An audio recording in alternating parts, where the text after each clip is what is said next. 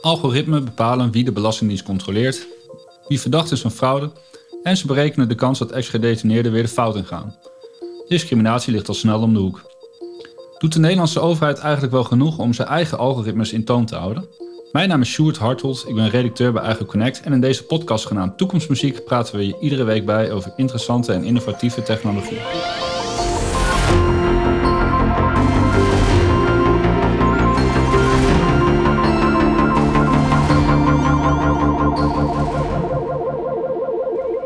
Vandaag ga ik in gesprek met Marlies van Eck. Zij is docent aan de Radboud Universiteit en adviseur bij Hooghiemstrand Partners. Ook praat ik met Albert Meijer. Hij is hoogleraar publieke innovatie bij Universiteit Utrecht. Het thema van vandaag: de negatieve effecten van algoritme. Welkom Marlies. Dankjewel. Jij maakte twee jaar geleden een, uh, een proefschrift over geautomatiseerde ketenbesluiten. En dat maakte nogal het een en ander los. Je volgt het onderwerp al langer. Zou jij iets kunnen vertellen over waar jij je zo al mee bezighoudt op dit moment? Ja, natuurlijk algoritme, maar wat doe je precies? Ja, ik hou me inderdaad bezig met de overheid die heel veel taken, namelijk het nemen van beslissingen bijvoorbeeld, uh, heeft uitbesteed aan computerprogramma's. Nou, dat zie je eigenlijk overal, hè, dus bij, op gemeentelijk niveau, maar ook bij uh, de grootste robot van Nederland, dat is dan de Maaslandkering, die draait ook op algoritme. Dus uh, ik probeer eigenlijk naar dat soort dingen te kijken. Niet zozeer vanuit techniek, maar wat wij als burgers daarvan uh, van merken. Hebben we er last van? Kunnen we er tegen optreden? En veranderen er dingen als de overheid zijn taak heeft uitbesteed aan de computer? Mm -hmm. En je geeft dus uh, advies op dit gebied en, en je ja. geeft ook les daarover? Ja, klopt. Ja. Waar ben je op dit moment eigenlijk mee bezig? Wat kom je zo al tegen uh, aan verkeerde voorbeelden bij algoritme? Uh, wat, wat, gaat er mis in het kort? Um, heb je een mooi voorbeeld? Wat er misgaat is iets wat eigenlijk iets betrekkelijk eenvoudigs is. Dat is het vaststellen van de boswaarde bij gemeenten. Je krijgt eigenlijk elk jaar zo'n beetje een beslissing. En in die beslissing staat wat je woning waard is. Althans, hoe die geschat wordt. En vervolgens hoeveel belasting je daarover moet betalen. Nou, en wat die woning waard is, dat is natuurlijk al subjectief. Hè? Dus mensen die belasting moeten betalen over een woning, die zeggen eigenlijk heel snel: Nou, nou, nou, zoveel is die ook weer niet waard. Het is best wel een slechte buurt. Het onderhoud is eigenlijk vrij gebrekkig. Dus dat, die waardering mag wel wat lager.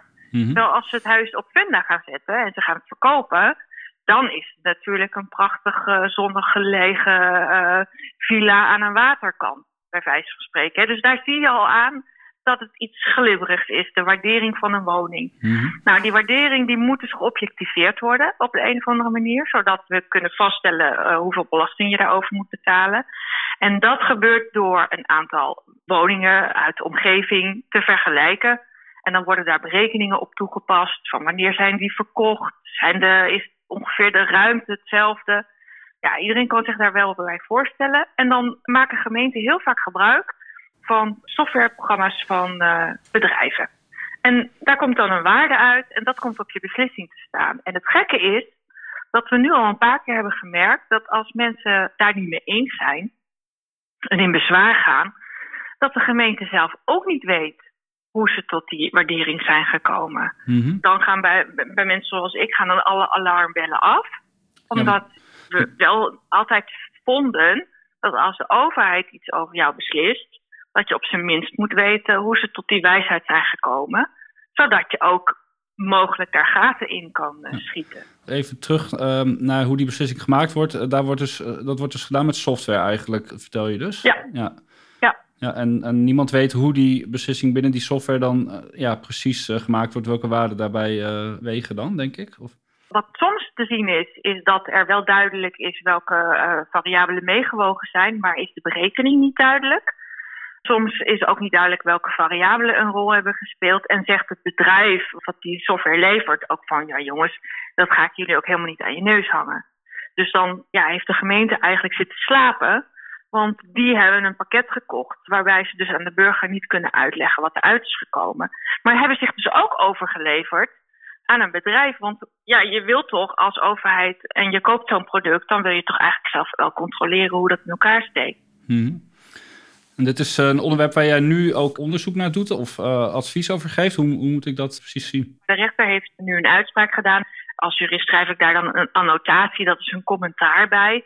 Ja, een beetje voor onderwijsdoeleinden ook. Hè, om te zien, oké, dit, dit ging, daar ging die uitspraak over. Dit is de uitkomst. Wat vinden we hier nou eigenlijk van? Dus daar hou ik mee bezig. En waar ik me mee bezighoud is, want ik, ik ben heel erg fan van technologie. Dus het is niet zo dat ik me daar uh, wars van ben. Ik wil echt in de voorlinie uh, kijken waar je de positie van de burger kunt verbeteren. Mm-hmm. En waar we nu mee bezig zijn, dat is waanzinnig gaaf. Dat is voor het Zorginstituut zijn we een uh, zandbak aan het ontwikkelen. Een sandbox, regulatory sandbox. Daar hebben we dit idee vandaan. Mm-hmm. En dat gaat erover dat er allerlei innovaties in de zorg zijn digitale zorg, die op de een of andere manier uh, verdwijnen in bureaucratische systemen. Dus de, de, een kijkt naar de ander en de ander kijkt, naar, de, kijkt weer terug. En wat we nu gaan doen is dat we voor het Zorginstituut en de NZA, dus Nederlandse Zorgautoriteit, ben ik nu met mijn collega's een zandbak aan het ontwerpen. Waarin we met heel veel deskundigen tegelijk, als in een soort snelkookpan, gaan kijken naar een toepassing ja, bij technologie volstaan heel veel gebruikelijke manieren verstaan niet meer. Dus het gaat veel sneller. Je ziet dat ook bij eh, de ontwikkeling van het COVID-vaccin. Dat kan nu zo snel, omdat de beoordelaar zit eigenlijk meteen al bij de ontwikkeling. En op die manier bouw je een enorme versnelling in. Zo'n versnelling, eh, dat is eigenlijk de hoop dat we dat ook in de zandbak voor ja, je, je, noemt nu eigenlijk al een, een manier waarmee je uh, nou, dit soort dingen zou kunnen voorkomen. Ja. Eh, ik wil toch nog even terug naar eh, de dingen die nu eh, misgaan. Het voorbeeld wat je net gaf, is dat iets wat vaker gebeurt, ook, of wat vaker aan het licht komt de laatste jaren. en dan bedoel ik bijvoorbeeld ook de, nou ja, de toeslagenaffaire of systemen om, om de kans dat gedetineerden weer de fout in gaan te berekenen. Zie jij ook ja, dat dit meer op de kaart komt, zeg maar algoritme waar we geen grip op hebben? Ja, ik zie dat het eh, gelukkig echt op de kaart aan het komen is. En aan de andere kant ben ik ook erg somber. Omdat als je kijkt bijvoorbeeld naar de toeslagenaffaire. Daar uh, was het toch echt wel menselijk handelen. Mensen hebben aan de computers gezeten, wil ik maar zeggen. Mhm. Daarna waren er signalen dat dingen misgingen en greep niemand in.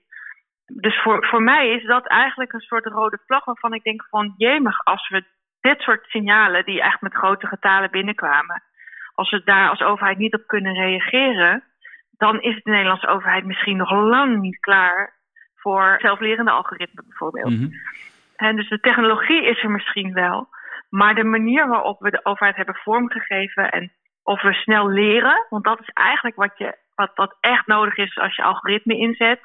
Je moet heel snel bijsturen als je merkt dat het de verkeerde kant op gaat.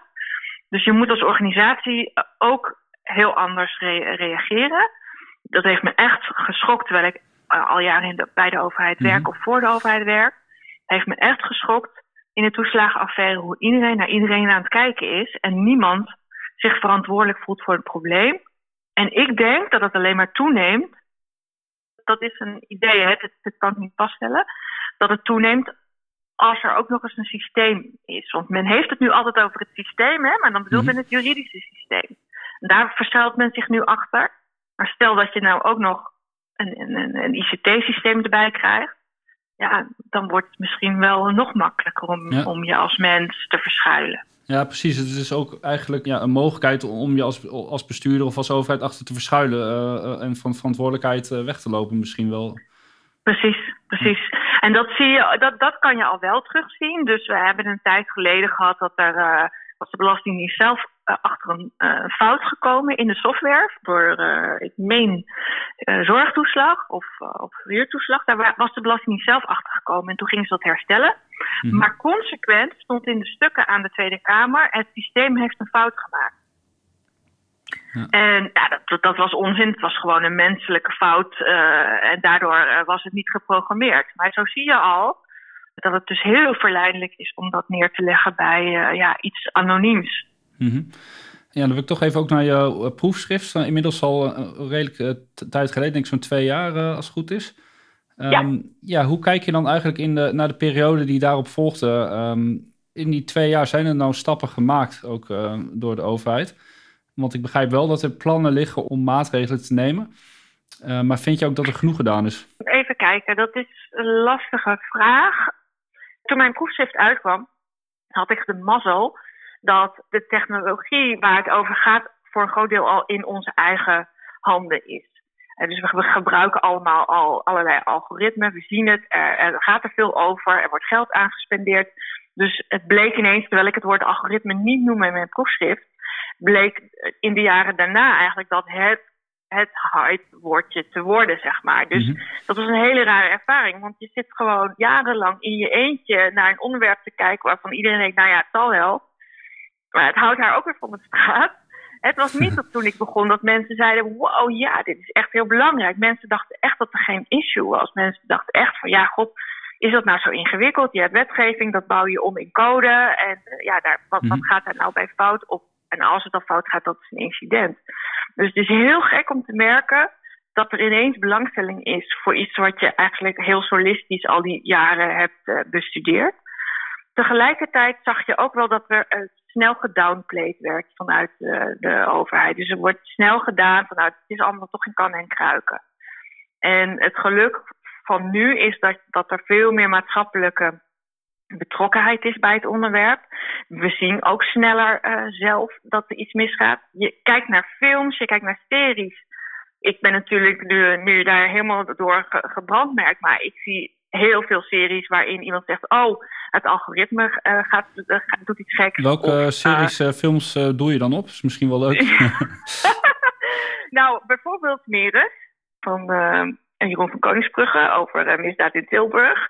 Daarin moest op een gegeven moment iemand een grote uh, boef gevangen worden. En toen zei de nerd van de afdeling, zei, ik schrijf het snel, ik zal even een slim algoritmetje schrijven. Uh, maar ook Bridget Jones Baby komt het voor. Hè? Dan zijn mensen perfect bij elkaar passend, omdat het algoritme dat gezegd heeft. Mhm. Ik zat gisteren Bad Banks te kijken. Nou, dat gaat natuurlijk over de financiële crisis. Daar heb je het ook al over algoritmes heel snel.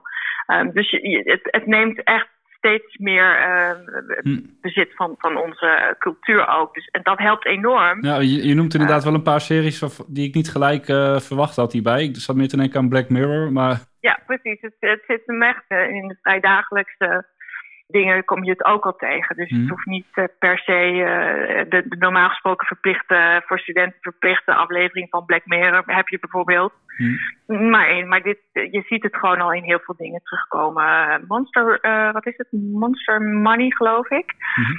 Is er eentje. En welke ik zelf altijd noem, is Artist Christmas. En dat is een tekenfilm. Ja, die is ontzettend leuk, want het gaat over de. Je hebt dan een opa, dat is de echte kerstman. En dan heb je de zoon van opa. En dat is de, de hedendaagse, uh, zeg maar, uh, moderne manager. En daaronder heb je dan weer Arthur. En Arthur is dus de kleinzoon van de echte kerstman. Nou, en die, die manager die gaat met kerst allemaal heel anders doen. Dus die bestuurt het hele verdelen van de kerstpakketjes. Bestuurt hij met algoritme en met hele slimme systemen en noem maar op. En, en het, het, prachtige is, ik kan natuurlijk niet veel over vertellen, want iedereen moet natuurlijk kijken. Ja, geen spoilers. Maar het prachtige is, nee, geen spoiler. Op een gegeven moment wordt er een kind vergeten. En dat kind heeft geen kerstcadeau. En dat is onverteerbaar voor de oude uh, kerstman en voor zijn kleinzoon. En die middelmanager die zegt alleen maar van... ja, maar jongens, waar hebben we het hier over? Het is een foutmarge van 0,00088 procent. En dat is echt kenmerkend voor uh, het aansturen van je organisatie... door middel van productie en, en natuurlijk ook algoritmes. Foutmarges, dat is eigenlijk waar je het altijd over hebt. En dan kijk je wat is acceptabel... Maar vervolgens heb je niet door dat dus binnen het foutmarge, je moet het andersom zien, het foutmarge is dan bijvoorbeeld uh, eh, 10% in Nederland of het is 0,8%, maar daar zitten allemaal mensen achter. Mhm. En we vergeten dus dat, dat je mensen raakt.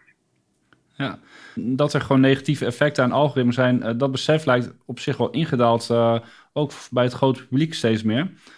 En dan is mijn eigenlijk mijn volgende vraag: van, uh, vind je ook dat er al genoeg gedaan ook wordt uh, in de politiek en in het bestuur om, om, om dit zeg maar tegen te gaan? Nou, ik vind dat er nog niet genoeg gebeurt. En dat heeft te maken met het feit dat het. Um, we hebben natuurlijk commissies in de Tweede Kamer bijvoorbeeld. En daar speelt bijna altijd wel iets van algoritmisering een rol. Maar de deskundigheid ontbreekt. En vervolgens heb je een paar Kamerleden die wel die deskundigheid hebben die kunnen natuurlijk niet bij al die commissievergaderingen zitten. Dus het, het kabinet heeft het vrij makkelijk. Er zit dus niet genoeg tegenspraak, wil ik zeggen, in de Tweede Kamer. om meer uitleg te geven over de algoritmes of meer reguleren als dat nodig is. Of ergens van te zeggen, oké, dit willen we absoluut niet en we gaan die richting om. En daardoor zie je dat er weinig echt beleid wordt gemaakt. Moeten we niet iets met elkaar over gezichtsherkenning in de publieke ruimte? Moeten we niet discussiëren daarover? willen we dat camera's mensen kunnen herkennen eh, terwijl zij aan het shoppen zijn of bij de, aan, bij de trein lopen? En als we dat willen, bij wie ligt dat dan? Wie willen we dan dat dat mhm. doet? Mag dat een bedrijf zijn? Of een bedrijf in opdracht van de politie? En welke eisen stellen we daaraan? Dat zou eigenlijk een maatschappelijke discussie moeten zijn. En dat is het nog niet. En ik vind het toch ook wel de verantwoordelijkheid van het kabinet om dat soort discussies te entameren en, mhm. en, en, en ja, mogelijk te maken. en nu is er wel uh, deze week een onderzoek uh, aangekondigd uh, door het kabinet ja, om te bekijken welke maatregelen er getroffen ja, moeten worden. Ehm, maar ja, dat is nog een onderzoek, dus dat zijn nog geen maatregelen zelf. Vind je dit veelbelovend? Hoe kijk je hiernaar? Heb je hier vertrouwen in dat hier iets goeds uitkomt ook? Eerlijk gezegd denk ik dat we de fase van onderzoeken wel ten volle hebben benut. En dat het nu tijd wordt voor actie. Mhm. Hoe, weet ik niet precies. Je zou bijvoorbeeld kunnen denken van ik, ik, ik, maak er echt een apart departement voor. Ik maak er een apart minister verantwoordelijk voor. Over tien jaar is het misschien niet meer nodig, want dan werken we alleen nog maar op die manier. Maar misschien hebben we nu tijdelijk wel daar een, een, een minister voor nodig die zich uitsluitend daarmee bezighoudt, zowel met de kansen als met mogelijke bedreigingen. En die dan ook het budget krijgt en die dan ook middelen krijgt. En, en dat we echt een, eh, een democratische procedure gaan ontwikkelen over van, ja, welke kant willen we op, waar moet het naartoe gaan. Ja, dat is misschien ook uh, tijdens de verkiezingen nog een uh, belangrijk onderwerp. Ja, dat zou mij wel een lief ding waard zijn, ja, dat we daarover uh, over, spreken met elkaar. Van wat willen we? En, en we hebben gezien, in de, in de Syrië-rechtszaak bijvoorbeeld, waarbij ehm, uh, Maxime Februari en Tommy Wieringa natuurlijk uh, zich hebben aangesloten of, of de, de, procedure hebben gestart met behulp van uh, andere organisaties om dit voor het voetlicht te brengen. Je kan natuurlijk niet elke keer naar de rechter gaan. Hè, dus we moeten ook naar een, een ander mechanisme toe. Mm Je hebt trouwens eerder ook in een interview met AgriConnect um, verteld over dat uh, algoritmen eigenlijk ook een nieuw soort wet zijn geworden. Of in ieder geval de algoritme achter bijvoorbeeld een stoplicht. Eh, kun je daar hier nog iets over uh, kwijt? Is, zie jij hier ook nog steeds uh, de gevaren van in? Bijvoorbeeld een, stoplicht die bepaalt wanneer je oversteekt in plaats van een mens, zeg maar. heb je hier nog meer voorbeelden van gevonden?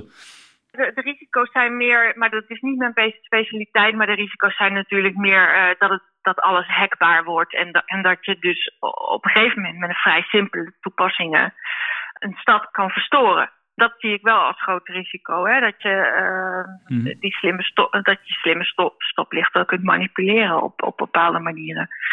En mij gaat het erom dat als je het echt over vitale functies hebt, dat we daar heel erg uh, beducht op zijn. In, in, in, wiens handen we dat leggen. Hè? Ook ja, moeten wij gewoon niet als Nederland van veel meer functies uh, al ons afvragen of we dat moeten uitbesteden aan, ik weet niet, uh, iedereen binnen de Europa of zeggen we zoals Frankrijk. Dat we veel meer zeggen, ja, maar dit is nationaal belang. Dit gaat over de waterkering. Dit gaat over onze vitale infrastructuur, zoals ziekenhuizen bijvoorbeeld. Dat is zo kwetsbaar. Dat, dat, kan hè, levens bepalen hoe het daar geregeld is met de algoritmen en, en, en systemen. Dus daar moeten we veel meer weerbaar voor zijn. Dus dat zou mij wel uh, zorgen baren. Want ik, ik vind, denk ook niet dat de oplossing zit in het alles maar opengooien. Maar ik zou me er beter bij voelen als daar uh, beter toezicht op is. Hè. Dus ik heb in, in de tuin ligt een, zak potgrond. Er staat op gecertificeerde potgrond. Nou, dat vind ik heel erg fijn. Ik zou, ik zou niet weten wat het probleem is als ik geen gecertificeerde potgrond heb. Maar ja, waarom verzinnen we dat soort dingen niet voor onze systemen? Laten we daar eens uh, kijken of we dat kunnen professionaliseren. Dat mensen met elkaar meekijken. Bijvoorbeeld softwareleveranciers op elkaars producten meekijken. Dus dat is veel meer richting een soort gemeenschappelijke verantwoordelijkheid. Gaan kijken naar kwaliteit. En dan niet alleen kwaliteit in de zin van doet het wat het moet doen. Maar ook kwaliteit in de zin van ja, zitten er uh, bepaalde uh, vervelende consequenties in het systeem die we niet hadden voorzien? Mm -hmm. is het zorgvuldig genoeg? Worden de mensenrechten niet geschonden? Dus op die manier. De, mijn, mijn soort, ik heb een soort droom dat we naar een soort community toe zouden gaan, net zoals bij gateway reviews. Waarbij je gewoon aan elkaar kunt vragen, in toch een bepaalde beslotenheid, aan elkaar kunt vragen: joh, kijk eens mee. En ik zou heel graag bijvoorbeeld een, een methode ontwikkelen waarbij je zowel een jurist kunt laten meekijken als een data scientist, als een softwareontwikkelaar, als een accountant. En dat je dan met z'n vieren begrijpt waar kijken we nu naar? Wat vind jij ervan en wat vind jij ervan? En ja, dat een soort standaard methode wordt die je eigenlijk overal op kunt toepassen. Dat, dat zou ik nu het liefste doen. is dat ook haalbaar zo is? Is dat uh, op korte termijn ook haalbaar? Ik denk wat ik van begrijp, hè, er, zijn, dat er, er zijn overheden waar niet de code, maar wel de beslisregels, dus echt in natuurlijke taal, is opgeschreven wat het systeem moet doen. Uh, en dan zou het volgens mij best wel mogelijk zijn dat je daar met meerdere disciplines naar gaat, uh, gaat kijken en je er een oordeel over gaat uh, vellen. Ja. In, mijn, in mijn tijd was dat dus nog niet mogelijk, want dat heb ik wel geprobeerd met mijn proefschrift. Maar uh, naar verluid zijn er nieuwere systemen in gebruik. En, en daar is het wel de documentatie van heel erg hm. goed te doorgronden. Nou, dat zou ik het allerliefste doen als ik nu hm. daar middelen voor kreeg. Ja. Als ik je zo hoor, ja, hebben we nog wel een, een lange weg te gaan. Maar er gloort hoop aan de, aan de horizon, zou ik maar zeggen. En ik denk uh, nou ja, dat ze daarmee ook uh, de luisteraar, ondanks alle uh, ja, gevaren die er nog dreigen, toch nog een klein beetje een goed gevoel kunnen meegeven. Ja, en dan ja, wil ik eigenlijk graag de, de podcast afsluiten. Nou, ik wil één ding zeggen als ik het laatste woord mag hebben als een, zeg maar, als een verdachte ik denk dat samenwerking is de, is de enige sleutel tot vooruitgang. En we moeten elkaar leren begrijpen, we moeten elkaar taal leren begrijpen. Dus ik moet de taal begrijpen van, van, van, van een beta iemand, een data scientist, van een modelmaker en andersom. En ik, ik denk dat, dat we dan echt heel ver kunnen komen.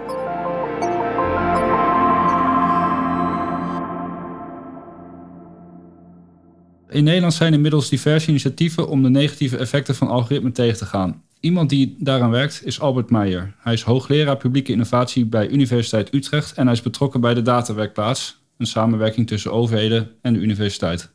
Goedemiddag Albert. Ja, goedemiddag Sjoerd. Ja, zou jij iets uh, kunnen vertellen over de Datawerkplaats, waar jij bij betrokken bent? Ja, de Datawerkplaats is een uh, samenwerking uh, tussen de Universiteit Utrecht en een aantal organisaties in lokaal en regionaal bestuur. En binnen de Universiteit Utrecht gaat het dan concreet om ons departement bestuurs- en organisatiewetenschap en de Utrecht Data School. Mhm. en, en, bij de gemeente gaat het om aan de ene kant Gouda, Woerden, Almere en Zuid-Holland. Ja. En we gaan nu ook verder met een aantal andere gemeenten. En het doel van die datawerkplaats is eigenlijk om te kijken of het ja, met name de, de zachte kant van dataficatie, en daarmee gaat het om ethische vragen, maar het gaat ook om organisatievragen. Uh, om die te beantwoorden, zodat we uh, samen met, uh, met gemeenten en provincies zoeken naar een goede manier om, om data te gebruiken. Mm -hmm. En hoe is deze samenwerking eigenlijk ontstaan? Want het is op zich best bijzonder dat gemeente en universiteit zo samenwerken op dit gebied. Wij deden wel vaak kleinere dingen voor, voor gemeenten en ook voor provincies. Dus er waren al een aantal contacten. En op een gegeven moment hebben we gezegd, we moeten wel iets structureler maken. Want die vragen die te maken met datificatie, ja, die, die spelen op allerlei verschillende terreinen. Um, we hebben ook direct gezegd, vanuit de universiteit hebben wij niet pasklare antwoorden uh, gereed. Maar we kunnen wel gerichte onderzoeken doen voor jullie. Om te kijken of die vragen op kunnen lossen. En wat we nu doen inderdaad is, we doen onderzoeken naar thema's die gezamenlijk worden vastgesteld. En ontwikkelen heel concrete instrumenten die hen kunnen helpen. Dat levert ons ook weer interessante wetenschappelijke kennis op. Dus daar publiceren we weer, ook weer over. Ja. En bij die instrumenten kun je dan bijvoorbeeld denken aan. Um, we hebben een, een, instrument gemaakt dat heet Data Team Start. En daar kun je de competenties van mensen in een datateam, dus een aantal ambtenaren die gezamenlijk aan iets gaan werken, kun je van tevoren kijken van hebben we wel de juiste competenties. Ja. Um, en een ander instrument is, dat noemen we de Data Ethical uh, Awareness Test. Dat is een instrument om te kijken van uh, zijn ambtenaren wel voldoende bewust van alle ethische vragen rondom dataficatie. Het is eigenlijk een stukje zelfreflectie ook voor de gemeente en ambtenaren, begrijp ik. Tenminste, dat, dat biedt zo'n instrument ze. Ja, zij zoeken echt die reflectie op. En dat slaat denk ik wel aan bij het grotere thema van deze podcast. Kijk, zij willen gewoon zoeken naar ook uh, goede en verantwoorde manieren om die nieuwe technologieën te gebruiken. Dus dat vergt reflectie op ethische vragen, dat vergt reflectie op de fit tussen technologie en organisatie. Dus die reflectie die zoeken zij. En daar leveren wij ook uh, ja, concrete instrumenten voor die hen kunnen helpen om er beter over na te denken en dan gerichter keuzes te maken. Mm Nou, voordat ik je sprak uh, voor het opnemen van de podcast, toen uh, noemde jij het een voorbeeld, AlgoPol. Dat is een project waar jullie aan werken. zou je daar iets meer over kunnen vertellen? Ja, AlgoPol is een ander project van de datawerkplaats. Het is een project dat wordt gefinancierd door, door NWO. Dus dat is wetenschappelijk onderzoek. En dat gaat om algoritmen bij de politie.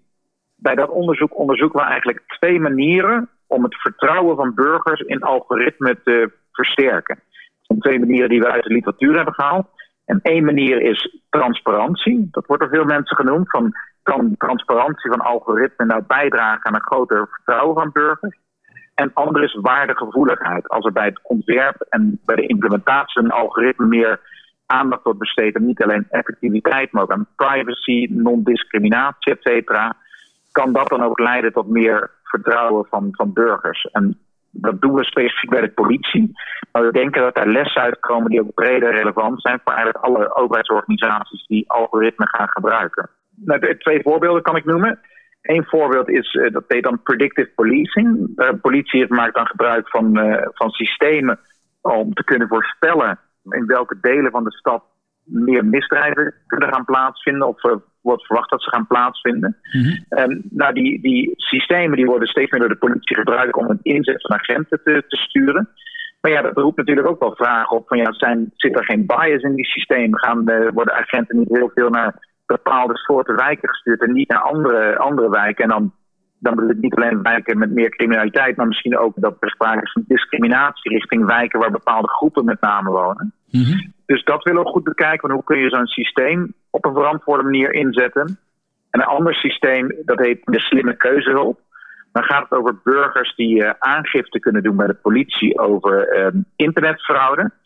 En die aangifte verloopt steeds meer via een digitaal systeem. Dus mensen worden door een systeem via een aantal vragen krijgen ze te horen of het zinvol is om aangifte te doen. Hmm. Nou, dat systeem dat hebben we ook bekeken van als je dat transparanter maakt op basis waarvan een advies aan de burger wordt gedaan om wel of geen aangifte te doen.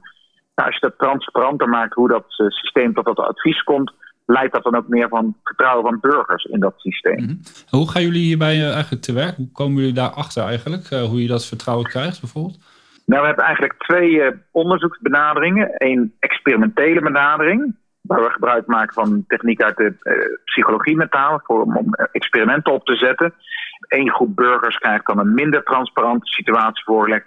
En andere burgers, groep burgers een meer transparante situatie voorgelegd.